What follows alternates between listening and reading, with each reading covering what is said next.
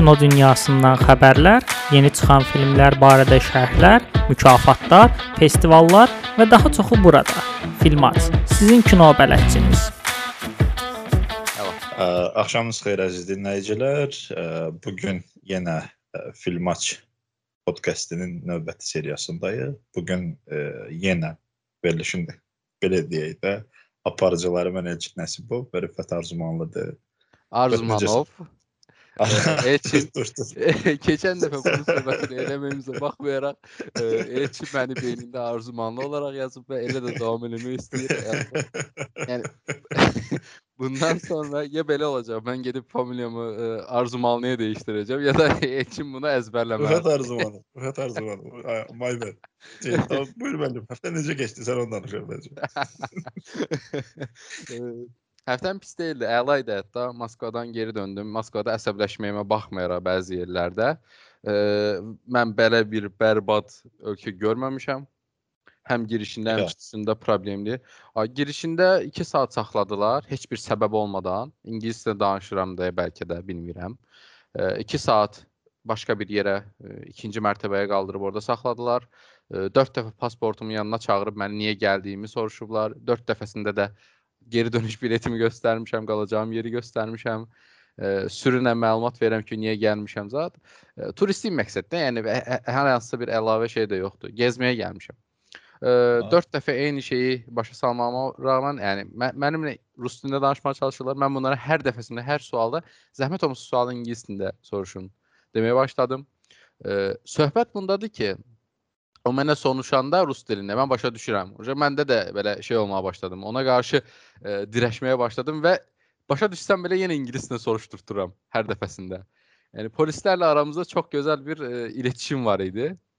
E, girəndə 2 saat elə kimi qaldım, çıxanda da birinci gün qayıtacaq idim. Birinci gün qayıta bilmədim çünki İstanbulda çoxlu qar yağdığı üçün ləğv oldu Hə, hə. uçuşum və mən bunu gedib aeroportda öyrəndim. E, Bir dəqiqə, gecəni aeroportda qalmısan sən. Yox, ə, təbii ki də elə bir aeroportdur ki, yəni aeroportda oturmağa yer tapa bilmirsən. Əsəbləşdim ona görə. Daha şirkətlə danışdım. Dedim nə olacaq, nə vaxtda dedilər sabaha keçirə bilirik. Sabaha keçirtdirdim. Orada ə, yəni dedim qalmağın da burada mənası yoxdur. Şəhərə qayıtdım. Yenidən ev tutdum Airbnb-dən. Orada qaldım. Səhər yenə aeroporta getdim. Yəni, yenə 2 saat, 3 saat, 2 saat yarım samolotum gec gəldi. 2 saat yarım da elə orada vaxt xərclədim və plus rüşvət də istədilər. E, pasport kontrolu Oo. gedəndə. Pasport kontrolu gedirəm, polis var. Deyir ki, e, cibində pul var. Deyirəm yoxdur. E, deyir heç yoxdur bəyəm, üstündə pul gezdirmirsən. Dedim yoxdur, yəni bütün pulumu xərcləmişəm. Ha, ə, yəni rubl neynirəm mən Türkiyəyə gedirəm. Ha, nə- harda işlədəcəm onu? Hamısını xərcləmişəm. Mən də bilirdim belə bir şey olacağını. Hesablamışdım ki, nə qədər pul lazım olar yol pulu zat. Qalan pulumu Reyhana vermişdim. 1000 rubldan çox pul qalmışdı. Reyhana verdim ki, qalsın səndə. Sən istifadə eləyərsən, onsuz da mənim işimə yaramayacaq bu pul. Nəsə axı belə problemli bir ölkədir, getməyin. Rusiyaya getməyin. Turisti məqsədlə heç getməyin. Bizdə də iş yoldaşlarım da bu yeni il əvvəlində, yeni il çərçivəsində Moskvanın yeni ili çox təriflənir. İşte orada Mhm. keçirmək istədilər. Onlarda da iptal oldu, bilmirəm hansı səbəblərdən. Ə, Gərək onda belə eləyərdik. Bu həftəni heç bilsəydim ki, yəni əslində bilirdik. Prosta Matrix-ə öncə saldıq. Mənə qalsaydı belə bir şey yaşanmışdısa, ən azı Rusiya haqqında kinolara baxardıq gərək. Gələn səfər gedəcək olsan ki, getməyəcəksən. Gələn səfər hansısa bir ölkəyə gedəcəksən, həmin ölkə haqqında kinolara baxaq. Biraz- Rusiya haqqında kinolar da nə baxa bilər? 41-45 müharibələri. Mən babama görə, yəni babam oturub dayanmadan o kinolara baxırdı uşaqlıqda, mən uşaq olanda. Yəni bütün generation zaten bir o şeydir. 45 Mən nəyin fərqinə varmışdım 41-45-dən danışanda? Deməli, bu Covid təzə-təzə ki gəldi, insanlar karantinə oldu, hamı evə qapıldı, heç kim belə deyək də, dünyada hər kəs xəstələnir və ölür falan. Mən nəyin fərqinə vardım? Abi 41-45-də adamlar 4 il müharibə eləyiblər, 4 il dünya müharibəsinə giriblər. Bu 4 illik dünya müharibəsində hər gün adamlar ölür, özü də müharibədir. Yəni onda fərqinə vardım ki, okey, bizdən əvvəlki generation bayağı şey yaşayıblar. o 41-45 generationu bayağı dram yaşayıbdı və bu gün yaşadığımız dünyanın gəldiyi nöqtə də o müharibəni yaşayan insanların qurduğu dünyadır. Biraz Təbii onda ki şey də olmuş. e- eyni eyni insanların e, uşaqlarıyıq biz də. Yəni yəni problemlərimiz o də şey eynidir qalmışdı biraz. ki- Yaşayışımız da problemlidir. E görə problemlərdən danışmışkən mən də bu həftədən danışım. Bu həftə e, maaş həftəsi idi. Hər şeydən əvvəl. Bizdə hələ də deyil maaş həftəsi. mən bir mən hələ də e, ayın 1-ni gözləyirəm. Bizdə maaş, yəni Türkiyədəki ən axmaq sistemdir. Maaş ayın 1-i verilir. Maaş Ayın ayın, axırı verirlər də. Ayın axırı ver. Düzdür indi ayın axırı ayın əvvəl yenə şey deyil, amma nə bilim maaş adam ayın axırında olanda sanki daha bir şey eləmiş olur. Bu arada ayın axırından mən iş, iş yerimi deməyəcəm. İş yerim mənə 9 ayda maaşı hər gün gec verir. Mən ona biraz triggerlənmişdim. Belə olaraq həftə ərzində də Bir dəqiqə, bir dəqiqə. Mən burada mötərizə mən burada mötərizə açmaq istəyirəm. Elçinin iş yerini bizim köhnə podkastı dinləyənlər məncə tapa bilər. Davam elə. Ha.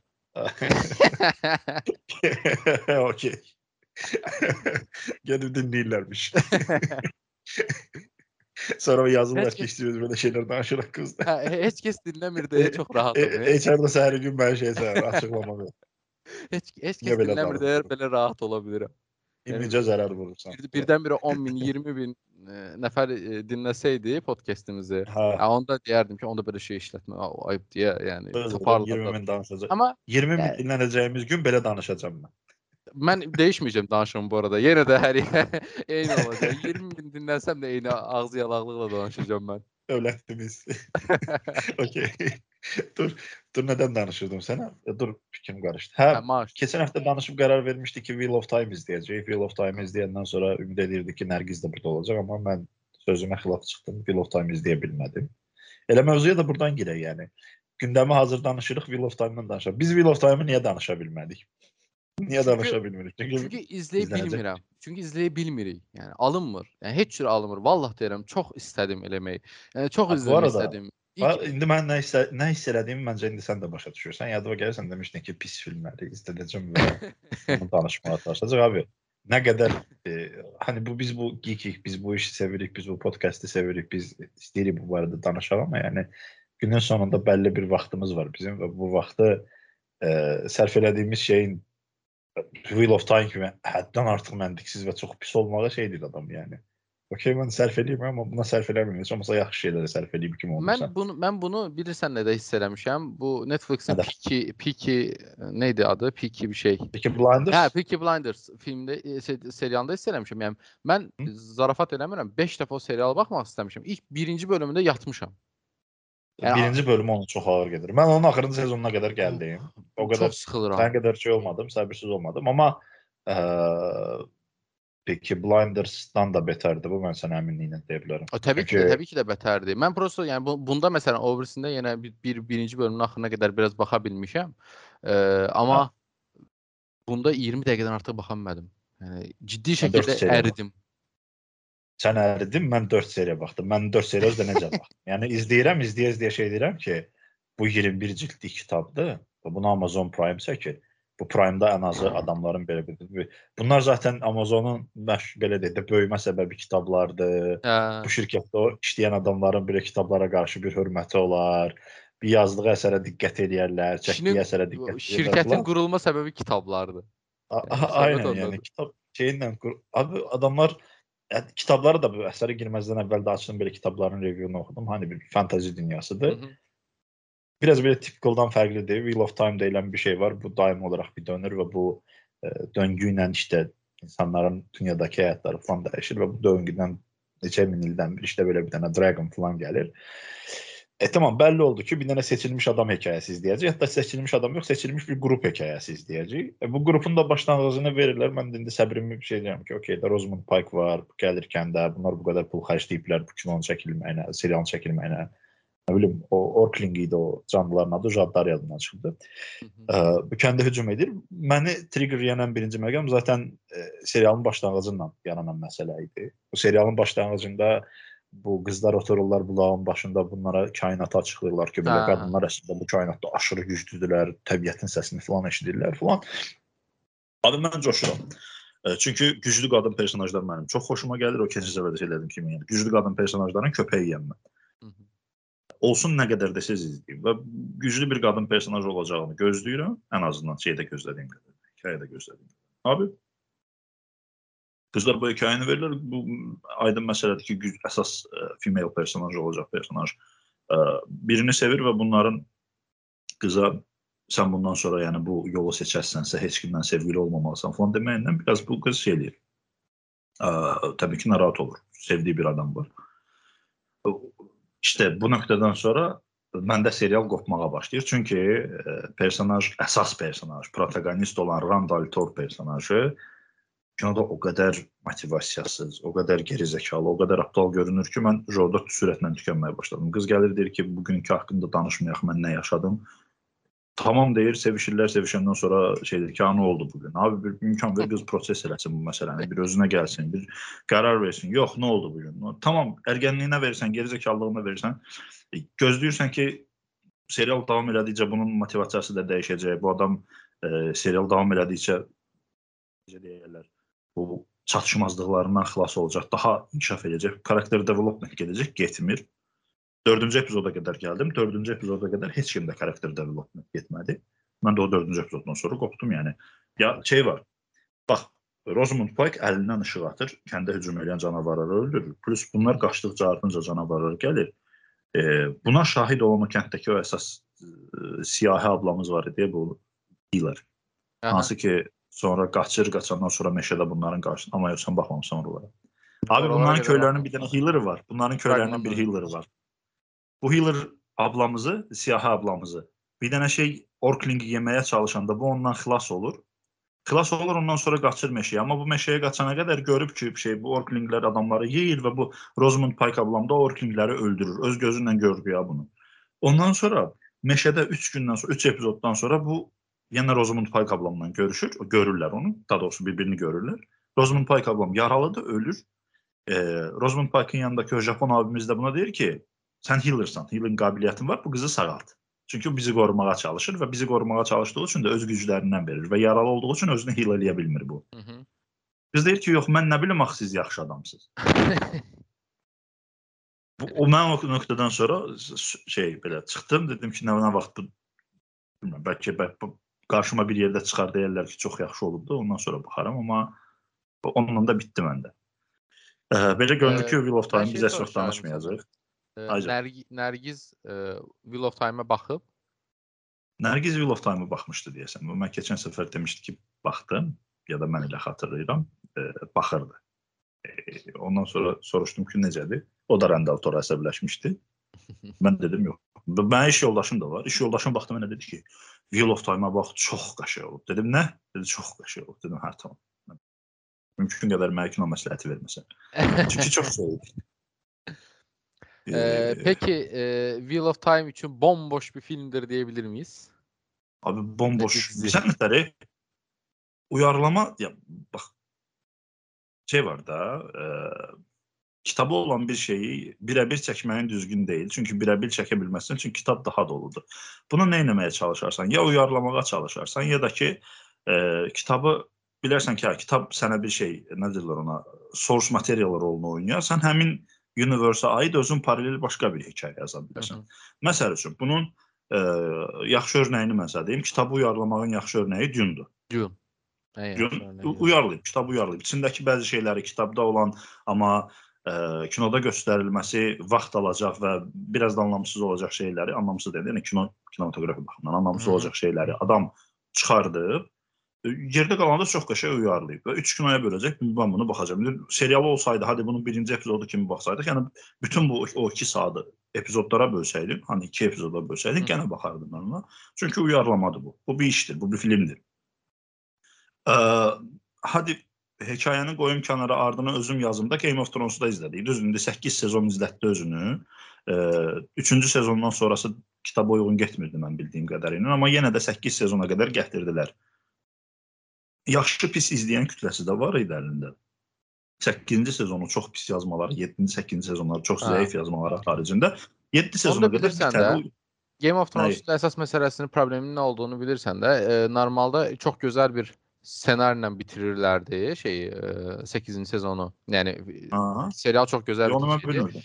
Reddit-də senaryo yayılır. Ha. Hekayə yayılır.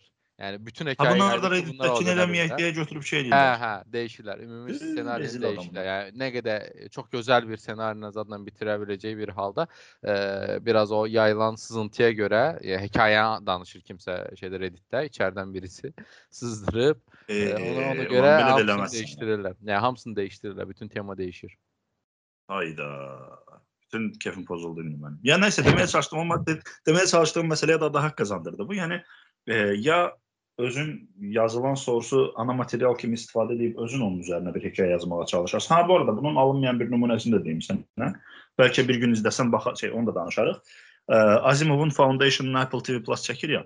Mən bilirəm, bilirəm. Foundation-a hər dəfəsində baxmaq istəyirəm, amma belə bir sənətlər elə bir ki, hər elə psixoloji olaraq hazır deyiləm kimi hiss edirəm özümü və heç açmıram. E, bərbaddır. Bərbaddır. Bərbaddır nəyə görə bərbaddır sənə deyim. Adamların e, uydurduqları, yəni ki Asimovun yaratdığı dünyada, Asimovun e, belə deyək də bu universe-ində özlərindən yazdıqları hekayələr çox yaxşıdır, amma Asimovun yazdıqlarını o günə qoyub qolunu qıçını sındırıb çəkirlər.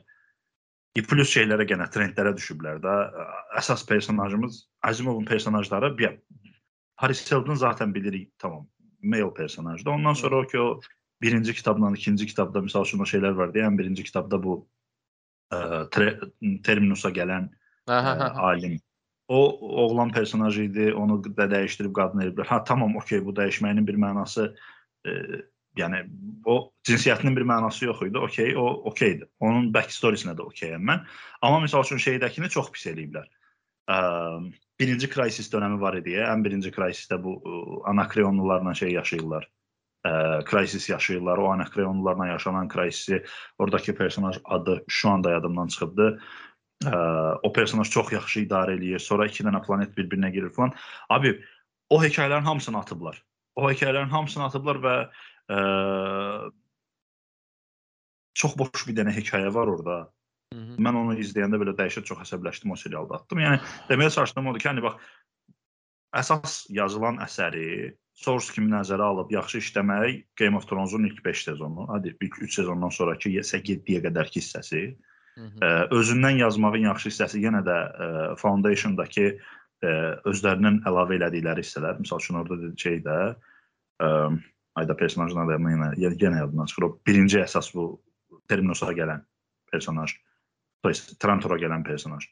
Onun ə, planeti barəsində çox qəşəng hekayə yazıblar və onun planeti bayaq bildiyin, yəni ə, Cthulhu söhbətlərinə qədər gedib uzanan çox qəşəng məsələ var. Çünki orada da bir şey var. Onların planetinin tanrısını ə, Great Sleeper One kimi göstəriblər. Great Sleeper One da şeydə Cthulhu mitosundakı şeydir. Ə, əsas tanrıdır, Azatot. Yəni biraz məsələni ona kimi gətiriblər. Mən onu birinci səfər şey eləyəndə belə fərqinə varanda çox belə həvəslənmişdim ki, o nə qəşəng şeylər olacaq bu serialda, sonra olmadı. Ə, yəni dediyim kimi Wheel of Time uyarlama olaraq çox pisdir. Çünki kitabdakına sadiq qala bilmir, kitabdakını düzəməlli reallaşdıra bilmir, özlərindən yazmağa çalışdıqları şeylər də heç yaxşı deyil. Ə, günün sonunda hadi bakalım şey yaxşı olsun təki. Ə, Nə idi onun adı? Lord of the Rings. Power Rings. Təbii o serialın adını müəyyənləşdirdilər də Power Rings elədilər. Ona da necə əsəbləşmişəm. E, onun treylerini gördün də, yəni şey ad treylerini açıq treylerlərə çox qədər ilişmirəm. Hadi Yo, şey, yo, biraz ona belə CGI deyə şeylədi. A- CGI Taxtaya götürüb orada o qədər əmək, orada o qədər əmək var. Onu göstər. Mənə onu ver var. Yəni backstage olaraq ver onu. Daha çox əylənərəm yəni. Ki çox gözəldir e, onun şey deməyi. Nə hayır, niyə o qədər CGI-yə oxşatmısınız onu? Neçə FPS nəzərdən çəkiblər onu. Yəni elə e, bir texnologiya istifadə edib ki, CGI-yə oxşuyur. Kameralar belə CGI-yə oxşamaya başlayıb. Ay, Amma bi biraz qorxutdu ki məni. Fi- Serialın içində də belə olacaq. Yəni çox yəni gözəl şeylər. yaxşı iş görüblər, amma gördükləri yaxşı işi yaxşı şəkildə hə, anlada hə. biləcək qabiliyyətləri Hə, olmayacaq. Yəni belə nə bilim axmaq şeylər CGI-yə oxşayacaq. Yəni belə çox xırda şeylərə yetişəcəm mən yenə e, serialda və əsəb keçirtəcəm birdən-birə bunları bıçaqlamaq istəyə gələcək içimdən. Yəni elə bir şey olsa doğrudan çox əsəbləşərəm. Çünki gözəl olacağını düşünürəm. Ki Batman, The Batman e, filmi kimi hamı tərsini Mən də düşürsün. gözləyirsən sən. Bu gün bu gün bir dənə səhnə gördüm, döyüş səhnəsi. E, Harda? Twitter'dakı Twitter'dakı e, ağlaşma kuranlar başlayıblar ki e, hani e, Batman e, kimseyi öldürmüyordu, kimseyi öldürmeyecekti zat temalarına başlayıblar. Öldürsün ne fərqi var sənin üçün? Bu filmin də teması belə olsun, ağır olsun. E, qaranlıq bir şey olsun. Heç nə olmaz. Yəni. Mən Dur yəni, dur Batman kimisi öldürür treylerdə. e, gö- öldürmür. Trailer değil əslində. Bir, bir sən necə şey e, film göstərilməyə başlanıb test izləyiciyə. Oradan Hı hı. çoxlu şeylər düşməyə başlayıb uje internetə. Əməli filmin parçaları düşməyə başlayıb, videolar düşməyə başlayıb. Ha. Ee, bir iki sahne var ki bir bir tane adam dövdüğü sahne var. Aha. Tam buna deyir ki O döydüğü adam sağ çıxmaz deyirsən prosta. hə hə yani elə elə bir səhnədir ona görə hamı deyir ki bəs öldürməyəcəkdi, bəs öldürməyəcəkdi. Ya öldürür yaxşı eləyirəm. Belə bir istəyiblər, belə çəkmək istəyiblər. hə. Yəni sus və izlə. Bu İndi Batmancıları çeləyəsən, bu adamları triggerləyəsən, ki triggerləyəsənsə də triggerı özün bilərsən. Çox da şeydir, vecimədir. yəni, çox da vecimədir elə bir. Mən, mən, bunu izləmək istəyirəm. Yəni görmək istədiyim qanlı Ya mən açığı Batman Ha? barəsində bir şeyəm. Batman mənim DC-dəki ən sevimli personajım deyil. Amma deyil. motivasiyasını da başa düşürəm. Mənim də Görə nə olacaq? Mən sadəcə gözləyirəm. Mesela ben e, Superman vs Batman'de Batman'in dünya en bomboş insanı olduğuna inanır. E, yani e, ne hasta beynine sahip olduğunu düşünürüm. Yani bekar adamdı. Evde sıkılır ve birdenbire diyor ki işte da bilin Superman'i öldürmeye. Hiç olmasa buna uygun bir şey elimi istirsense bu komikslerdeki kimi ele de yani Ama, komiklerde, Adamlar komiklerde, komiklerde falan bunu yüz defa işleyipler. Yani, yani komik, yakışıştan bir şeyler var. Niye istifade edemediler? Yani komikslerde böyle olur ki Superman Amerika'nın iti olur. Ya komikslərdə belədir ki, e, Superman Amerikanın itidir. Yəni Amerika dövləti nə desə onlar üçün işləyir. Onlar nə istəsə onları eləyir və s. Ya ona görə Batman deyir ki, hə, buna qarşı çıxmaq lazımdır, nə bilim, nə nə nə və davaya başlayır. Bunda heç nə yoxdur. Heç bir motivasiyası yoxdur. Yəni heç bir şey yoxdur. Gəlib e, Superman'i öldürməyə çalışır ki, yəni öldürə də bilməz texniki olaraq. Yəni onun animasiyası çox gözəldir. Məsələn, animasiyası var. Elə çox gözəldir. Amma yəni film o, ka- o qədər bərbaddır ki orada. Başında şey sındırır. Lavabo sındırır başında. Belə bir nə, nə hansı ağlından çəkilib, niyə çəkilib? Hələ yəni motivasiya ikimizin də yəni sən Martanı sevirsən, mən də anam adı Marta Toplin. Yəni dünya ən məntiqsiz düşüncəsidir. Okay, şey düşüncəsindən çəkiblər güya ki, e, Superman'in içində də bir sevgi var. Deməli o da normal insandır. Zat elə eləməyi düşüncəsi Batman'in güya belə bir düşünüblər də belə çəkilib o film. Dünya ən bomboş işidir. Yəni, yəni mənim anamın adı Martadır, bu da Marta adında bir qızı sevir. Onda okey mən bunu şey eləməyim. Toxunmayım mən buna. Bomboş iş, lazımsız. Nəyə lazım idi bunu hazırlamaq? Yəni nə- düz davam eləməyədir. İndi sevinirəm ki, yeni Batman filmi ilə sıfırlanacaq. Bir şey deyim abi, sənin də mən bir balaca ümidləri üstünə bir balaca sus töküm mən. İşte Warner Dedi. Brothers'dan danışırıq. Yəni mənim sinematografiyada Warner qədər ə, əlindəki böyük franchise-ların başına daş salmağı bu qədər yaxşı bacaran ikinci bir franchise tanımıram. Düzdür, st- şeydə var. Ə, Disney-də var, amma Disney yenə Star Wars-u günə salır. O da ki Star Wars-un nevi şəxsına münasir xasiyyəti ilə bağlıdır. Amma bu Batman yaxşı olacaq. E, e, sonra nə edəcək Warner bundan? Dünya sıfırlanır axı. Flash'in ye- yeni gələcək Flash kinosunda dünya hə? sıfırlanır. Hə, yeni ye- yeni gələcək Flash'da dünya sıfırlanır.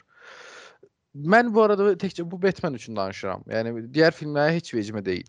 Mən bu bu dəqiqə maraqlı olan Batman-dir. Bundan sonra Henry Cavill-ı daha Superman olaraq görməyəcəyik. Ona pis oluram. Hə. Çünki görməyi Henry Superman olaraq gəlmək istəyən adam, gəlmiş adamdır.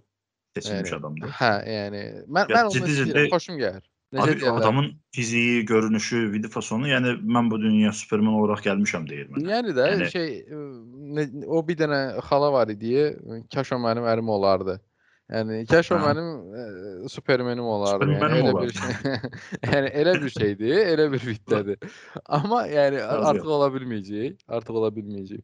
Amma demək mənə mən ə, bilmirəm. E, Heç kəs mənim kefimi pozmasın. Mən onun gözəl olacağına inanıram. Gözəl olacaq. Şə. Ə, Kesilməmiş səhnələr bu arada 4 saat çəkiblər. The Batman-ə kesiblər ə, yenə 2 saat Dəqiqə, 50 4 saat dəqiqə. kino çəkib 2 saata indiriblər. 2 saat 50 dəqiqə deyəsən. Hə, heç nə, üzüləsən sən gənə. E, Öncədən danışmış kimi olmayım, amma yəni 4 saatlıq film çəkib onu 3 saata indiriblərsə, 1 saat kəsilən bir şey varsa 100% gənə içində nə isə gedib. Çünki Suicide Squad da elə idi. Çünki Leto günün sonunda çıxıb demədimi ki, mənim səhnələrimin çoxu yoxdur. Mən belə geri o, zəkalı. o dünya ən bomboş şeydi ha. Yəni çıxdı dedi ki, yəni belədir. Yəni niyə kəsəsən səhnə? Və adam deyir ki, sən o qədər acting eləmişəm ki, mənim şey var. Yəni bildiyin bir dənə də film çıxara bilərəm oradan. Yəni bir dənə e, Joker filmi çıxar oradan. Deyir və siz o, o qədər səhnə kəsmisiniz. Nə, nə axmaqlıqlar da bunlar. Doğru. qalmışıq vallahi. Eynisini sənin göməcəyin mənim də ə, gömməyə heç həvəsimin olmadığı, amma sadəcə ümumi olaraq Matrix haqqında danışacağım. Resurrections haqqında deyə bilərik. Keçək məncə Resurrections-a. Keçək, keçək.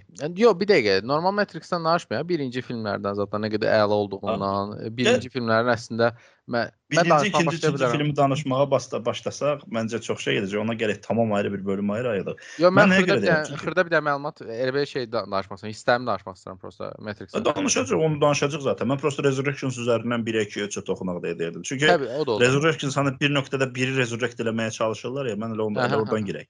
Okay. Ə, mən bunu demək istəyirəm ki, bərbad bir dənə filmdir. Yəni bərbad bir filmdir. Matrix ilə əla- mə- mən Matrix-i çox sevən bir ə, insan deyiləm, onu demək istəyirəm ilk öncə. Çünki mənim zamanımın, yəni filmi deyil bu. Yəni bu bu film ancaq plebiyəm. 80-lərin Mən, hə, yəni mən də, mən də demək olar ki, mən amma Matrixin yəni plebiyəm. çox- Ya çox- plebi də mənə də, yəni şeyəm də, yəni fanboyam, ölüsüyəm. Mən Matrixi çox sevirəm. Nəyə görə çox sevirəm deyəcəm sənə. Hə, Sən danış əvvəlcə, mən sonra girəcəm. Yəni çünki mən Matrixə o qədər şeyəm ki, yəni bu, bu filmə görə biraz o qədər küskünəm ki, təkcə də Matrixə görə yox. Mən ağzımı açıb şeydən Warner-dan girəcəm məsələyə. Çünki bu, belə deyil. Nəysə sən danış deyil, Sən danış. Mən mən, mən saxlayıram topumu ikiyə. Belə, belə deyək də, Elçin, ə, bizim aramızda yaş fərqi var da biraz daha. Yəni mənim mən ə, biraz 2000 nəslindənəm, 2000-ci iləm və ona görə ə, mənim üçün bu filmin, yəni ilk 3 filmin hər hansısa bir mənası yoxdur çox. Film Ə, çıxanda mən sən mən mən öz öz hə, yəni mən yox idim onsuz da. Yəni, mən 2010-cu ildən sonra nə isə qavramağa başlamışam və 2015-dən sonra bəlkə baxmışam bu filmə. Ə, o vaxtlar yadıma düşür ki, nə bilim Pulsar zad gedirdi televizorda. Orada deyirdi ki, Matrix-ə baxan nə bilim nə heç maraqlı gəlmirdi, yəni.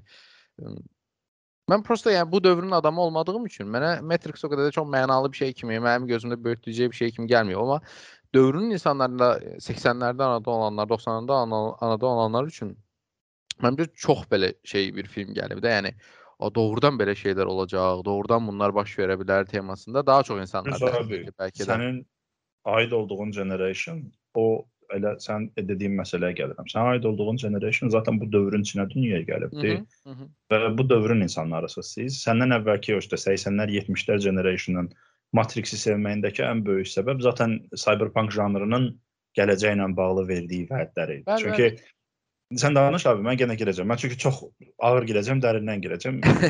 Söyməyəcəm, amma mən girəcəm bu səfər. Çünki şey Belə- değildi. Bu film nə Matrix değildi, nə Matrix başqa bir deyil. şey değildi. Bax, Filmdi mən onu mən onu demək istəyirəm ki, mən 10, 10 2016-da ya da 2015-də, yəni 15-16 yaşımda baxmışam Matrix filmlərinə. Hı -hı. Ə, o vaxt baxanda mənə yəni hər hansı bir hiss deyildi. Amma e, Matrix ruhu deyilən bir şey var. Yəni Matrixin temasını başa düşmək var da.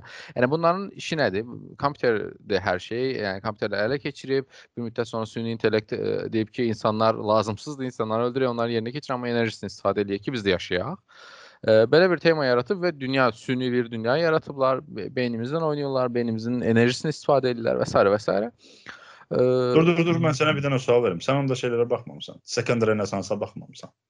Yox, baxmamışam. Second Renaissance Matrixin Matrixdən əvvəlki hekayəsidir. Yəni ki, Matrix baxmamışam. nətər oldu, niyə bu hala gəlibdi? Yəni Abi sən danışma, mən dur mən, mən özümü tuta bilmirəm. Sən danış bitir. mən partlayacağam çünki. Amma mən belə deyim də, yenə də mən bu nəslə nə qədər aid olmasam da, mən məsələn e, mən bununla böyüməmiş olsam da, mən ba- ba- baş, izləyib başa düşmüşəm ki, e, Matrixin əsas məqsədi insanlar çatdırmaq istədiyi şey nədir? E, ilk filmdə təbii ki də bunu çatdırır. İkinci, üçüncü filmlər davam filmi olaraq o qədər də bəyənməsəm də, e, yaxşıdılar. Yəni ortala ortalama bir şeydilər. Yəni bərbad olmuş. İki dənə şey. çox böyük şey var da Matrixin. Biz simulyasiyada mı yaşayırıq? Aha. Bir bu ən böyük ideyasıdır. İkinci ən böyük ideyası da şeydir yəni. İşte dönemin e, cyberpunk kültüründən işte harmanlanıb ortaya çıxan bir əsərdir və bir transformasiya hekayəsidir. Aha. Bu ikisini işte bu adamlar ilk filmində çatdırır. İlk filmdən sonra da işte yenə də Matrix filmlərinin belə bir şeyi var, belə bir tendensiyası var. Sonuncuya doğru gedənə gedənə keyfiyyəti aşağı düşməyə davam edir. Çünki şeydir yəni ilk filmdə adamlar o qədər geekdilər, çatdırmağa çalışdıqları şey o qədər dərindir və yaxud da o qədər onları ifadə eləyir ki, yəni işte D&D-lərdən çıxmış bunlar gener generationdılar. Özlərinin içərisində bir dəyişmə istəyi var.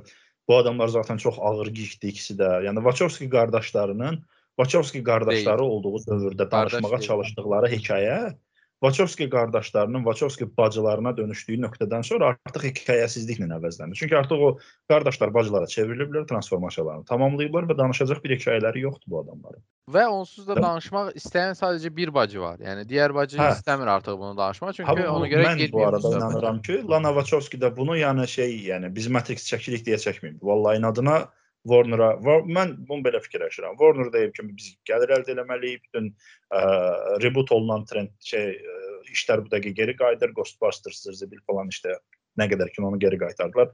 Adamlar Star Trek-i yenə, sadəcə Star Trek generationlarla davam edən bir şeydir, amma Star Trek-in də yenə filmləri çəkilir.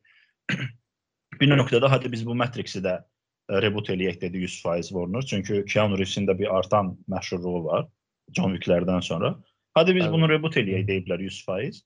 Bu təklif gedib çıxıb bu Wachowskilərə. Wachowskilərdən zaten e, Lana razı olub. Lana'nın da razı olmağının tək məqsədi bu Warner-la məncə dalga keçməkdir. Çünki filmin ilk hissəsi başdan ayağa sırf bundan. Ya da babat pul qazanmaq. Bəlkə də pul, həm pul qazanıb, həm də dalga edir.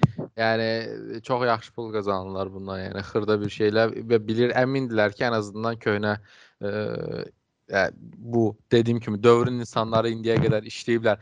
90-larda, 80-lərdə anadan olan insanlar indiyə qədər işləyib yaxşı pul qazanıblar və e, hə. nostalgiya yaşamaq üçün mütləq şəkildə gedəcəklər buna sinemaya. Ki Aynen. mən sinemada getməmişəm ki və buna yəni, ilk gün ilk çıxacağı gün gedəcəydim.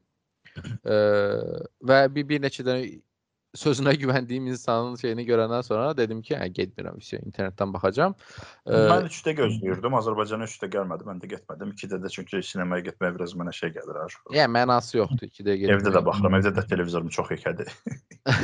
mən onları söndürürəm, uzanıram divana, baxıram, o effekti alıram mən. Mən onu demək istəyirəm ki, Matrix ruhunu yaşamamış, yəni dövründə yaşamamış dövründə belə geek olmamış, dövründə arxasından qaçmamış bir insan olaraq mən mən başa düşürdüm ki, Matrix nə deməkdir. Bu filmin Matrix-ə heç bir əlaqəsi yoxdur. Ya bu film sadəcə pul qazanmaq. Bu film başqa bir adla çıxsa, yenə izləyərəm. Söz də demərəm. Heç bir deyir sən dedin? E, sən e, söyəcəksən, şey eləyəcəksən, amma mən söyməyəcəm deyirsən. Mən buna tək söyməyə istə səbəbim, yəni bu filmin, yəni bu Matrix-də əlaqəsi olmayan bir şeydir. Yəni lazımsız bir şeydir. Və Yəni bomboş bir şey çəkiblər. Axırdakı TikTok səhnəsi olsun, yəni mənasızlıqlar olsun, birdən-birə xarakterlərin heç bir önəmi o oradakı xarakterlər də hardandır? Hmm, serialın adı yadımdan çıxdı. Sense8 idi. Sense8-də idilər, yoxsa hansında idilər? Hansı film, hansı serialda olan şeylərdir? Uşaqlar da, cavanlar da hamısı. Yəni yığılıb gəliblər burada. Şey, seti, Sense8-in setini. Hə, hə, Sense8-in setini yığıblar deyəsən. Yəni oradakilər yəni, hissələri heç bilmədim. Mən Sense8-ə baxmamışam, amma mən sadəcə indi dur indi mən yavaş-yavaş başlayım. Hə, başla, başla. Ə, bax, Matrix-in çıxdığı dönəm 1999-cu ildir. Aid olduğu janr da cyberpunk janrıdır. Mən cyberpunk janrının xəstəsi olduğum üçün, bu janrı çox sevdiyim üçün, bütün günü Twitterdə, sosial şəbəkədə orada burada transhumanizm deyə bağırdığım üçün bu janrın içinə çox girib çıxmışam və janrla bağlı ümumi çox danışmayacağam, çünki danışsam çox vaxt ona gedəcək. Amma məsələ ondan ibarət ki, dünya 70-ci illərdən 80-lərə doğru keçəndə yavaş-yavaş kompüting dönəmi falan gəlir. Kod yazılmağa falan başlayır, simulyasiyalar teoremi falan ortaya çıxır. Ee, insanlığın gələcəyinə dair insanların özündə çox fərqli artıq baxış açıları və baxış bucaqları yaranmağa başlayır və cyberpunk janrının 80-lərdən etibarən 90-lara qədər bir çiçəklənmə dövrü gedir. Şey Blade Runner o dönəmə aiddir. Matrix zaten dönəmin sonudur. Akiralar var. Yəni bayağı bildiyin Yaponiya bu məsələnin vəbşə cənnətidir. Çünki Amerika texnika texnologiyada biraz geridə qalır. Biraz onlarda fobiya yaradır. Yaponlar da bu sahədə çox 80-lərdə çox irəlidədilər. Məsələn, Yaponların da o tərəfdə çoxlu güclü cyberpunk janrında işte işləri var. Dediyim kimi Akira var, baxa bilərsiniz. Anim animedir. Baxmaq istəyən baxsın. 90-lara doğru gələndə Amerikalılar tərəfdə də bu işte cyberpunk janrında transhumanizm, insanlığın gələcəyi ilə bağlı bir baxış açısı olan Matrix yazılmağa başlayır. Matrix yazılır, çəkilir. Birinci filmində verilməyə çalışan mesajı bayaq da dedim. E, bu adamların danışacaq bir dərdi var. Bu dərd həm transformasiya dərdidir, həm də ki ə, belə deyək də insanlığın gələcəkdə necə olacağından bağlı bir görüşdür və birinci film çox yaxşıdır. Birinci film çox yaxşıdır. Birinci filmin detalları çox böyükdür. Adamlar geekdilər, içlərində danışmaq istədilər hekayənin bütün geekliyini qoyublar hekayəyə. Abi şimdi bax, ə, Morpheus'un YouTube-da milyon dənə video var bu barədə. Morpheus'un işte adından gəmisinin uyğunluğu barədə. Morpheus yuxu deməkdir. Nebukadnezar onun gəmisidir. Gəmində gəminin adını götürdüyü işte Babil kralı yuxuda görür nə isə gələcəyi və Morpheus'un da yuxu tanrısının adı olmağı falan. Çox detallıdır. Bunları mən danışmayacağam. YouTube-da milyon dənə kontent var, izləyib baxa bilərsiniz. Yəni birinci kitab kino çox yaxşıdır və ikinci kinoda onun ardınca artıq ə, tutduğuna görə bunlardan yavaş-yavaş tələb gəlir. Biraz da ekspand eləmək istəyirlər işi. Üçüncü kino mənə o qədər açmır, o qədər çox bəyənmirəm, amma üçüncü kinoda kinodur. Dedim, izlədim, baxdım. Hekayə öz özlüyündə tamamlandı. Ə, ondan sonra Üçüncü kino ilə ikinci kino arasındadır səhv eləmirəmsə, yoxsa birinci kino ilə ikinci kino arasındadır səhv eləmirəmsə. E, Warner Bros. Yaponiyada e, anime studiyalarına və animation studiyalarına pul verir, eyni Disney-in elədiyi kimi. E, Matrix-in anime animasiya versiyaları da hazırlanır və onların içərisində e, Second Renaissance var. Sənə də çox tövsiyə edirəm izləməyi. Ə, mən onu birinci səfər izləyəndən sonra Matrix dünyasını daha yaxşı başa düşməyə başlamışdım. Çünki bu günə qədər Matrixi onlarsız izləyən adam elə fikirləşir ki, insanların apardığı bu savaş, apardığı bu mübarizə robotlara qarşı çox ədalətlidir. Amma Second Renaissance izləyib görürsən ki, yox, insanlar bayağı kalleşin, əclafın yekəsi olublar və robotların bu gün insanları pil kimi istifadə etməyinin çox əsaslı səbəbi var. Çünki insanlar robotları Detroit Becoming Human oynamış olarsan sən. Oynamışam, oynamışam. Ha, aynen onu kimidir. Yəni hekayə eyni onu kimi başlayır. Ee, insanlar robotları yaradır, robotlar süni intellekt qazanırlar. Süni intellekt qazanandan sonra robot olduqları üçün ya da ki belə deyək də sentient life form olduğu üçün ə, insanlardan daha yaxşı bacarırlar bu işi. Daha perfekt bacarırlar. Səhvləri daha az olur. Günün sonunda insanlar işsiz qalmağa başlayır. Sonra işte insanlarla robotlar arasında bir müharibə kimi bir şey başlayır. Ə, robotlar insanlara bir dəfə sülh təklifindən gəlirlər, insanlar bunları aldırmır. Robotlar insanlara ikinci dəfə sülh təklifindən falan gəlmirlər. İnsanları totally annihilate edirlər. Ondan sonra insanlara zorla müqavilə imzaladılar ki, siz bizə pil olacaqsınız. Çünki öz güclərini aldıqları günəşin qarşısında insanlar bomba göndərib ə, tamamilə buludlarla kəsirlər və yer planetinə günəşin günəş işığının düşməməyinin ən böyük səbəbi ə, robotlar yox insanlardır. Hansı ki kinoda Resurrections'da göstərir belə. Aha. Deyir gördün ay Dumanı da. Abi siz zaten onu körləmisiniz. Robotların üzərinə yıxmağınızdan deyil. Ben Ə, bir, dənə söz deyim. Kinonu O boyda- izləyəndə mənə ən çox robotsan, bir dənə o boyda robotsan, bir dənə buludun qabağını ala bilmirsən adama deyə də. İş buludlar orasındadır ki, bunlar şey eləyə bilmirlər. Daha artıq optimizə variantını tapıblar. Yəni robotlar insanlarla müharibə elədikləri dövrdə hadi biz günəşin də qabağını açaq dərdinin əvəzinə biz bu müharibəni bitirək, bu insanları robotlar şey eləyərik. Bunlardan pil kimi istifadə eləyərik şeyə daha uyğun görüblər yəqin. Mən robot olsam mən də elə eləyərdim. Nəyimə lazımdır günəş? Bu affedersin ifadəmə görə otçular mənə bu qədər əziyyət edirlər. Sonra da mən bunları götürüb azad buraxım günəş işığına Mən mən daha şey belə garantici bir insan olduğum üçün ikisini də tapardım. Yəni ilk insanları öl şey deyim, özüm şey enerji olaraq var. İnsanlar enerji olaraq sonra günəşi Bu də bu Heç kəsə şey, bağlı abi, qalmamaq lazım.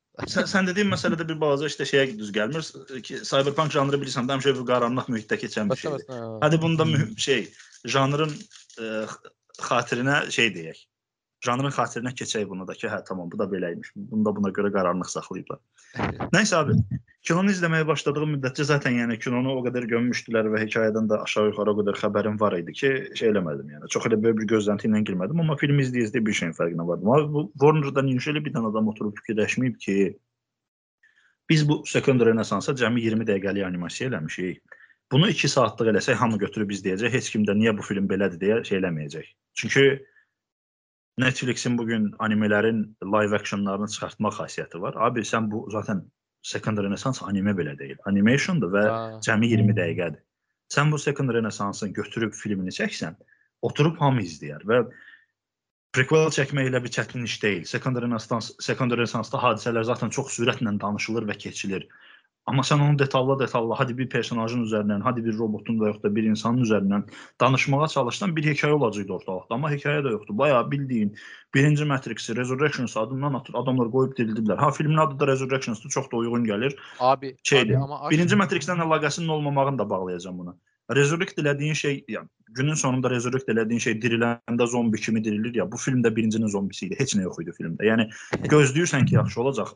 Ölü diriltməyə çalışan bütün şey maqların axırının yaxşı olmadığı kimi Abi adamlar diriltməyə çalışdıkları şey Lana Wachowski diriltib verib ki, alayım bax bu da sizin diriltmək istədiyiniz Matrix. Abi, abi. Kaş, kaş diriltməsəydim söhbətinə gəlir, kaş diriltməsəydilər. Kaş. Yəni təbii ki də kaş. Mən onu deyirəm də. Mən deyirəm ki, yəni bu film başqa bir film olaraq çıxsaydı, yəni tamam fərqli bir şey olar. Mən kimi animasiyadan da istifadə etmirəm. Heç nə də, heç nə, sıfır. Yəni, əlavə bir tamam fərqli bir Abi bax yenə deyirəm, danışacaq. Hadi tutalım deyəm ki, 3-cü kinodan sonra sənin danışacaq hekayən qalmayıb. 3-cü kinodan sonra sən Neonu qoymusan, 3-cü kinodan sonra e, hər şey çox yaxşı gələcəyə bağlanırmış kimi mesaj vermisən. Ondan sonra hadi tutalım ki, sən danışacaq hekayən qalmayıb və təzədən trouble yazmaq istəmirsən sən hekayəyə görə. Tamam abi anladım. Ulan keçmişə qayıt. Hadi şeyə Second Renaissance-ın da öncəsinə qayıt. Bu insanlar bu robotları kəşf elədilər. Bu da Matrix Beginnings deyə bir dənə şey başlat ki, zaten ən birinci nöqtədə işte belə deyək də robotların artıq intellekt qazandığı nöqtəni biz görək. Mən prequel göstər abi. Mən Transformers-ı çəkənlər götürüb hardanlara prequellərinə qədər getdilər. Hadi yaxşı deyildi, amma yenə getdilər. O ağıl var idi onlarda. Bunlarda heç o da yoxdur. Mən təzədən eyni personajlar üzərindən eşq hekayəsi yazım. Lana Wachowski də bu bəllidir ki, heç yazmaq istəməyib, sadəcə yola verib. Çünki şeyə uyğun gəlmir. Konseptə uyğun gəlmir. Yox, biz oynamağa çalışıb, bir şey də oynamağa çalışıb. Canım Barney də oynamağa çalışıb. Aktyorun adı yadımdan çıxdı. Bəs bəs sənə hə, sən onu deyəcəydim. Aktinglərə şey deyəcəm. Ee, ee, Ajan Smith'in heç gəlməyib. Onun yerinə başqa birini tapmaları zaten. Hugo Weaving abimiz niyə gəlsin zaten? Hugo yəni, Weaving'in yaşı başına alıb. Hugo Weaving oynadığını oynayıb. Yəni, Morpheus-u heç çağırmırlar. olacaq. Bilir, bilirdi ki, necə Morpheus-u kaş çağırsaydılar, açığın deyil. Morpheus-u kaş çağırsaydılar. O, o da buna görə gəlmir də. O da buna görə gəlmir. Yo, Lawrence Fishburne heç Lawrence Fishburne heç tək təklif aparmayıblar adamlar. Doğrudan. Amma mən bildiyim qədər Lawrence Fishburne təklif etmir. Lawrence Fishburne mən bizə bir şeyini eşitdim ki, Lawrence Fishburne kinonun kastı açıqlanmamış şey ki, mənə heç təklif gəlmədi bu sahədə. Ha, elədir. Mən, mən, mən elə bilirdim Lawrence özü istəmir. Yo, istəməyən Hugo Weaving abimizdir. Hugo Weaving abimizə deyib, o deyib ki, mənim cədvəlim, qrafikim doludur, gəlmirəm. Hələ çəkin məndən. Zor eləyib. Getməsə. Heç kəs getməsə. Agent Smith oynamağa çalışan aktyor da pis aktyor deyil, amma yəni eh. şey deyil, Agent Smith deyil. Kinonun Bəli. ortasında işte kinonun məntiqi şeylərindən də danışırdım. Kinoda hə hekayədə falan məntiqi boşluq var. Mənası yoxdur danışmağın. Çünki Matrix-dən danışır. O mənası. Bu arada ilk ilk başlayanda belə deyirsən ki, nəsə ola bilər e, başlayır. Yəni ilk yarım saat başlayır, başlanğıc şeylə başlayır. Başlanğıc ciddi-ciddi şeylə başlayır. Hekayə olaraq şeylə başlayır. Yəni Lana Wachowski oturub sənə bu Matrix-i bu vaxt hə, hə. biz çəkdik. Bu insanlar bunun haqqında nə danışırlar? Budur. Bunu bizə göstərir ki, amma Matrix sizə görə budur. Biz də bunu çəkmişik. Hadi bax bu, bu, bu hekayədir bu. Amma ikinci hissəsindən sonra hə tamam bu budur amma biz indi nə edəcəyik hekayəsi çox film deyil. Yəni, Belə Neil, film idi, prosta şey deyildi. Neil Patrick Harris, Neil Patrick Harris çox qəşəng rol oynayırdı məncə. Yenə həmişəki kimi Barney. Adam vallahi rolunu oynayır yəni. Şeydən Bacar, birinci Matrixin ilk 3 filmindəki şeydən arkitektdən yaxşı idi. Hə, yəni də. Ya, və əyləncəlidir. Yəni maraqlıdır. On, on, əslində aktyorluğa, aktrisalığa bir söz deməyəcəyik. Yəni pis deyil aktyor. Yəni Ken Reeves da həmişəkidir. Normaldır. Keanu Reeves abi özünü oynayıb. Hə, yəni öz özünü davranır həmişə. Hərəkətləri falan hamısı özünü oynayıb. Hə, hər hansı. Trinity ablamız yaşlanıbdı. 2 dənə 3 dənə rola çəkdi. Çox kiçik rollarda 3-5 dəqiqə vaxt alıbdı. Neil Patrick Harris oynayıb. Bəs ə, Elçin amma aşk. Merovingian. Amma aşk. Dur amana amma aşkı boş ver. Merovingian lan o kino ya. Merovingian'ın bu kino ilə əlaqəsi yoxdur. Merovingian orada olmasa da olardı. Yox. Özdə fikir ver. Bu bu, bu arada mən Warner-ı irqçiliklə günahlandıracağam, amma Merovingian'ın keçmişdən gətirdiyi vampirlərin hamısı Çinli idi. Hə. Çinlilər vampir midir deməyə çalışır bu adam yəni. Merovingian'ın e, bir dənə şey pis oldu ki, yəni kişinin yaşlanmağı zad biraz mənə şey elədi. Yəni çox cool bir xarakter idi Lambert Wilson. Yəni çox çox cool bir xarakter idi ilk filmlərdə zat. Nə bilim bir anda belə görəndə şey oldum, qəribə oldum ki, buna da nə, nə hala düşüb, yəni kinoda necə göstərir. İndi də şey deyə çox yaraşıqlıdır. Amma yəni kinoda elə bir göstərmir ki, oynayıb oynadığına görə oynayıb, yazıblar rolu, orada rol kəsməyə çalışıb, söyüb fransızcada 2-3 dənə. Yəni mən Merovingian baxan falan. Nə bilim abi çox yoruldum. Yəni dediyim kimi E, Resurrected olan heç nə yaxşı deyil və bu filmin adını Resurrections qoyub əvvəlcədən bəlkə də Lana Wachowski demək istəyib ki, mən sizə alın zibil kimi film verəcəm, alın zombini diriltdim, saldım üstünüzə deyib baxarsınız. Mən Resurrections tamam Resurrections. Mən şey hələ də demək yəni. istəyirəm ki, mən hələ də demək istəyirəm ki, Ken Reynolds-da bir problem var Nə problem? və ə, problem. yox, yox. Ə, Ken Reynolds-da bir problem deməyim, ə, necə deyirlər? Cadu var. Girdiyi bütün işlər bərbad olur son illərdə. Bunu demək abi, dur. John Wick pis değildi. Şimdi ben John Wick Evet, şey John Wick değilim. hoşum John gelmedi. Wick. John Wick pis değildi. Gel gələcəyin diye. Əlinə silahla alıb gəlir elçi. John Wick pis değildi. John Wick pis değildi. İyiydi de lan, iyidir de. Hmm, Mən yəni bilmirəm. Cyberpunk-ın içində. Ben razıyım senden. Keanu Reeves'in bir şeyi yoktu yani. Bir ahım şahım aktörlüğü yoktu. Ben ondan danışıram. Ben Keanu Reeves'in çəkildiyi layihələrdən çox acting məsələsinə gəlirəm. Keanu Reeves Keanu Reeves abimiz aktörlüğü çox yaxşı şey eləyə bilmir. Çatdıra bilmir. Yəni mən indi hər şey qoyuram bir kənara. Benedict Cumberbatch'in keçən səfər hekayəsi yarımçıq qaldı dediyimiz kinosundakı aktyorluğuna baxırsan, bir də Keanu Reeves'in e, son 5 filminə baxırsan, adamın o mənim bəyənmədiyim filmindəki oynadığı aktyorluğun 10 dəqiqəsi Keanu Reeves'in bütün karyerasına dəyə biləcək bir aktyorluqdur, amma e yəni biz də Keanu Reeves'i aktyorluğuna görə yox, action səhnələrindəki özünü sevdirməyinə görə sevdik be abi. Mən şeyə Mən çünki- e, e, bu bir dənə bir dənə e, karikatura var ya. Ö- Ömer abi buyur gel Ken Reynolds övelim abi. Sağ ol canım yeni övdüm. Başka zaman överiz. Adam Abi metroya gidiyormuş abi. Evet. metroya binmesi. Yavrum yeni övdüm diyorum. Bu- Buna çok gülürdüm. Her defasında göründü gülürüm. Yani ciddi bir şekilde ele övülür çünkü. Yani. Övüləcək başqa şey yoxdur axı adamda. Ama yine de da elediğin ha. aktyorluğu Yine elediğin eleyip. e, Yine kazancından e, pay verip şeyler işçilere. İşte sağ olsun, nə deyək. Yine yine Yaxşı şey yaxşı adam, dirəndə yaxşı adamdır. Motosikletləri sevir mənim kimi. Dini adam diye ona göre Filmlərinə də şey eləyir. Filmlərinə də indi bir, bir aktyorluq olmasa da ciddi yanaşır. Məsəl üçün işte John. Wick filmində gedib silahlar. Marinlərdən dərs alır filan. Hmm. Hani bir Silah biraz John Wick'dən çıxsın. Bakmışam silah videoları çok yaşaydı. Yani silahlarla işlemeye zaten çok hayaladı. Mən arada şey deyirəm yəni. Arada boş vaxtım olanda açıram evdə YouTube şey John Wick'in e, toplamda 3 filmində öldürdüyü bütün adamların öldürmə səhnəsi var YouTube'da. 300 nəfər adam əldə olub, 1000 nəfərdən artıq adam executionu var. Çox maraqlıdır. Plus e, o videoya baxanda fərqinə varsan ki, John Wick belə normal adamla oturub baxacağım film deyil. Yəni literally öldürmə səhnələri var. Özü də çox dəhşətli öldürür adamları. Bu Biraz sen şey de- eləyirsən, hiss eləyirsən ki, yox, çox pis oldu orada. Sen bu insanları öldürme hesabını diyende biri de gidip Friends'de e, Joe'un e, borcunu zaten hesaplayıp e, bütün Aa. film se- serial boyunca da 119.500 dolar ne- neyse böyle bir hesap çıkartıp ki o kadar borcu var. Yani buna bu e, Friends'de Joe var idi. Joe neydi? o? Friends'dəki Joe. Ha, tamam, mən Ee, Friends ya- keçən səfər şey istədim, Yani o. Chandler, yani Chandler'a olan borcunu hesaplayıblar Joe'un.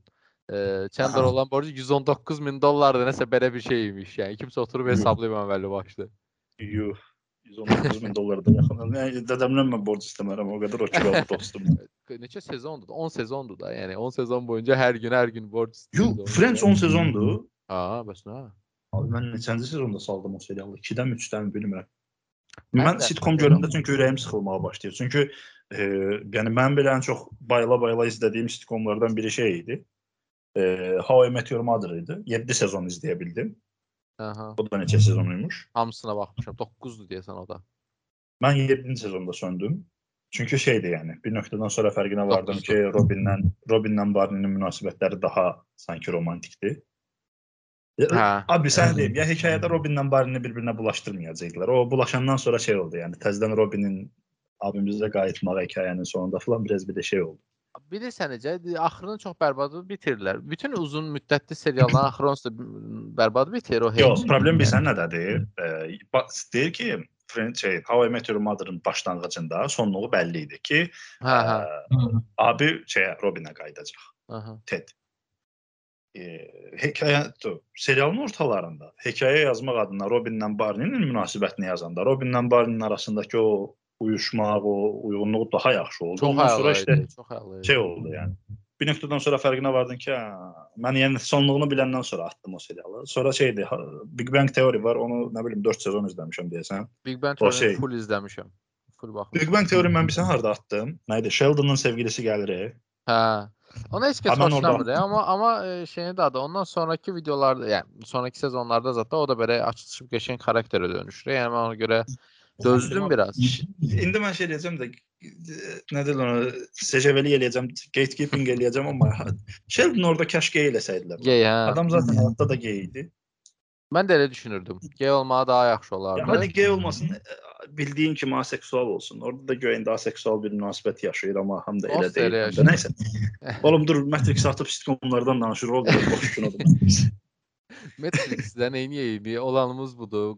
Ay bu arada günün sonunda Matrixi heç kimə izləməyi tövsiyə eləmirəm. etmirik. Film kimi, yəni zombisi çıxmış, öl ölü, ölü, ölüykən dirildilmiş bir filmdir. Motivasiyası yoxdur. Səhnələri xatirinə izləmək istəyirsinizsə də sadəcə ə, nostaljidən ibarət bir neçə də səhnəsi var.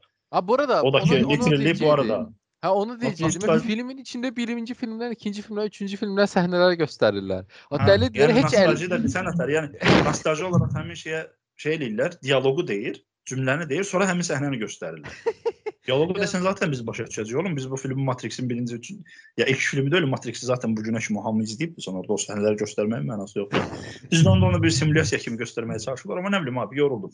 Matrixdən danışmayaq. Gələcək barədə danışaq. Nələrdən danışaq biz gələcəkdə səninlə? Çünki bu, bu verilişi də çox uzatmaq istəmirəm mən. İşgəncə kimi gəlir. 4 dəqiqəmiz qalır. Bir, tane- bir tane söz diyeyim. Ben bu dakika beynimde ancak fırlanan şeydi. Ee, 4 dakikamiz kalmıyor. 9 dakikamız kaldı bu arada. Ee, e, beynimde ancak bu dakika fırlanan The Batman'di. Bilirsen yani be- beynimi çok Ha, böyle bir o, özümü o gel- kilitlenmişim ona. Gəl belə elə. Bu podkastları biz onsuz da hər həftənin axırı şey eləməyə məcbur deyilik. Lap onlar 2 həftədən 3 həftə. Yəni əlimizə çünki mən mən şey, Matrix izləyəndən sonra mən onun fərqinə vardım ki, biz hər həftə izləmək üçün, hər həftə danışmaq üçün bir şey tapanda istədiyimiz şey olmaya bilər. Həvəsləndiyimiz şey olar. Həvəsləndiyimiz və haqqında danışanda xoş şeylər yaşayacağımız şeylər izləməliyik. Çünki hadi şey üçün də biz e, gömmək üçün də Wheel of Time izləyəcəydik amma yəni onu da izləyə bilmədik. Yaxşı yo, şeylər olan. Belə deyək, e, iki həftə, yəni biz onsuz da iki həftədə bir çəkirik axı bunu. İki həftə sonra, e, iki həftəyə qədər həftə içində danışarıq. Əgər xoşumuza gələn ikimizin ortaq qərar verə biləcəyi bir şey olsa ki, e, eləyərik. Nər Nərgizdən də soruşarıq, bəlkə onun da e, xoşuna gələn bir şey varsa.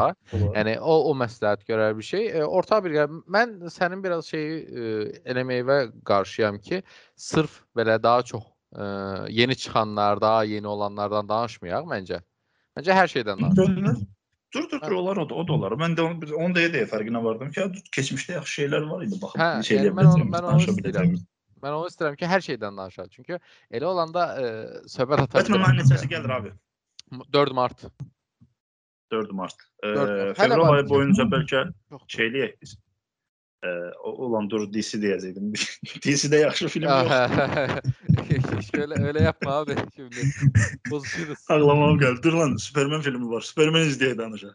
Superman izleyip danışaq. Problem yoktur. Superman izleyip danışa bilərik. Yəni Superman. Dur Görsən sən bax- sən dur. sən- Oğlum dur dur dur. Sən Hə. arada bir şey qarışdın. Sən Berserk izlədin mi yoxsa yox? ne? Berserk. Ha izlemedim. Onu izleyərəm. Yaxşı onu danışaq. Onu danışacağam. Tamam. Ee, vaxtım olmadı da. Heç vaxtım olmadı. Moskvada olmuşam. Yeməyə başa Başa düşürəm. Ee, gələn gələn həftə izləyərəm mən onu böyük ehtimal. Gələn həftə mə? Gələn həftə. Hə, gələn həftə bir doluyam. şey de istəmirəm yəni. Yo, izləmək yaxşı. Xoşuma gələr deyə demişdim. Yo yo e, şey də neydi adı? İzləyəcəm, narahat olma. Xoşum gələcək böyük ehtimal. İzləyəcəm. Məsləhət görsənsə izləyəcəm. E, doğrudan vaxtım olmamışdı bu həftə. Ona görə izləməmişdim. Tamam bilirəm sən zaten. Narahat olma. 2 həftə sonra izləyəcəm. Amma Nərgizə də de, Nərgiz də izləsin. Sonra şey qalmaz. Tamam deyirəm. E, yəni hamımız ortaq bir şey. Bəyənər. Yəni düyü- Bu arada Nərgizi səni və məni birləşdirən tək cəhət düyünü belə aşırı çox sevməyimiz olub. Mən bilirəm, ki, çox böyük ehtimalla biz bir düyün videosu çəkib, bir, bir, biz bir düyün podkast eləyəcəyik yəni. E, dün mütləq şəkildə belə eləyək. Hətta, hətta, hətta mən indi şey Hı. deyirəm. e, hə- Dün dedim mən məndən aldın da o dəqiqə belə həyəcanlanmağa başladım mən. E, belə eləyək. Dune Hadi. Dune Batman-dən sonra eləyirik. Önümüzdəki Olar. həftə şey eləyirik, sonrakı həftələrdə Batman eləyəcəyik, Batman-dən sonra Dune danışacağıq. Olar, düyün danışaq. O vaxta kimi də zaten yəni apreldə falan filmdə film film falan da çıxmır. Hə, Arada o vaxt boşluqdur. Hərəkət. Ha dur elə, dur dur dur. Düyünü, düyünü çəkəcəyimiz təqribi vaxtda şey edeyim. Yəni mən o vaxta qədər Book of Boba Fett'i də bitirəcəm. Book of Boba Fett zaten Tatooine'dədir. Tatooine zaten Hə, ondadır. planetinin şeyidir. Ora elə də eləmək olar. Hadi abi, e, onda bu günü şey eləyək. Yavaş-yavaş yekunlaşdıraq çünki e, Matrix haqqında daha çox danışmaq istəmədiyimin fərqinə vardım. Bu vaxta qədər bizi izləyən hər kəsə çox təşəkkürümü bildirirəm. Matrix izləməyin. Matrix Bizi izləməyin. bizi Ya da pul verib ən azından izləməyin. Elə belə izləyə bilərsiniz yenə indi. Yo, O- heç elə belə də abi bir şeydir işte ekonominin şey basic qaydası. Sən vaxtını nəyəsə sərf edirsən, daha yaxşı şeylərə sərf edirsən o vaxtınızı. Yəni 2 saat mən o filmi izlədiyimə nə bilim həyatımda bəlkə də- o m- şey mail yazacağam ki, mən həyatımdan 2 saat vaxt almısınız, geri qaytarın onu. Ödənişini edin. Ha bu arada arada bir söz Kompensasiya demək edeyim. istəyirdim. Uncharted-ın şey filminin şeylərin posterlərini görmüsən. Fevral 18-i çıxır bu arada Uncharted. Uncharted-da danışa bilərik. O, O qədər o qədər bərbad. Aman ağıllı, baxa danışaq. Uncharted-da oyun, oyununu oynamış olarsan sən yoxsa yox? Oyun, e, çox izləmişəm, oynamamışam. E, amma Aynen mən də izləmişəm. Mən O qədər bərbad görünür. Qariban nəsli. hə biz biz yəni kasıbıq nə edək? O- Olanımız budur.